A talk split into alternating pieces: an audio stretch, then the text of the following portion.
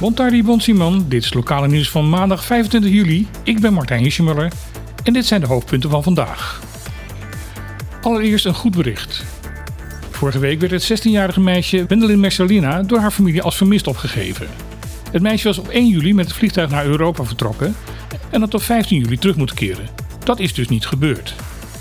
Politie vond de zaak ernstig genoeg om een publieke oproep te laten uitgaan of iemand informatie kon verschaffen over deze situatie. Nu blijkt Wendelin gisteravond met KLM op Bonaire te zijn aangekomen. Dat is door het radiostation Live 99 FM gemeld.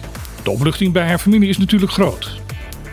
Wat er nou precies is gebeurd en waarom het meisje negen dagen later dan afgesproken op Bonaire is aangekomen, is niet bekendgemaakt. Na zes jaar de hoogste politiebasis in Caribisch Nederland te zijn geweest, legt korpschef José Rosales in januari van het komende jaar zijn functie neer. Dat is de afgelopen week bekendgemaakt. In een kort persbericht zegt Rosales dat hij op eigen verzoek terugtreedt en dat de overgang in goed overleg zal plaatsvinden. De van Curaçao afkomstige Rosales is al vele jaren werkzaam binnen de politie van Bonaire. In 2005 begon hij na zijn opleiding in Nederland als wijkagent in Rincon. De vertrekkende korpschef heeft toegezegd dat hij bereid is nog een aantal jaar adviseur te zijn van het college van korpschefs en dat hij zal meehelpen om zijn opvolger in te werken. Natuurbeheerorganisatie Tinapa zal de komende 25 jaar het beheer en onderhoud van de plantage Royal Lamunchi op zich gaan nemen. De plantage is al vele decennia eigendom van de familie Herrera. Toen 38 jaar geleden Ellen Herrera het beheer van de plantage overnam van haar vader, was het terrein en de bijbehorende bebouwing zwaar vervallen en verwaarloosd.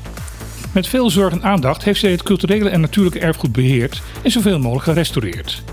Ook heeft zij de plantage opengesteld voor het publiek door wandelpaden aan te leggen en rondleiding te geven.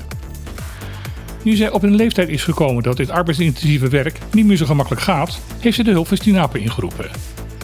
Deze organisatie zal onder andere gaan zorgen voor een goede omheining rondom de plantage om de geiten en ezels buiten het terrein te houden, waardoor de natuur zich verder kan herstellen.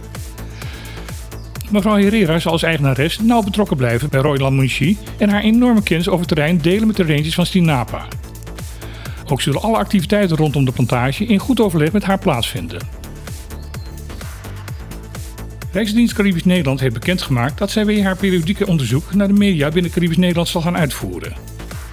De Rijksdienst streeft ernaar om op de meest effectieve manier met de bevolking van Caribisch Nederland te communiceren. Daarvoor is inzicht nodig welke mediakanalen het meest door de bevolking gebruikt worden. Kunt hierbij denken aan radio- en tv-stations, kranten, websites en sociale media zoals Facebook. Daarom wordt er ook in 2022 een online enquête gehouden.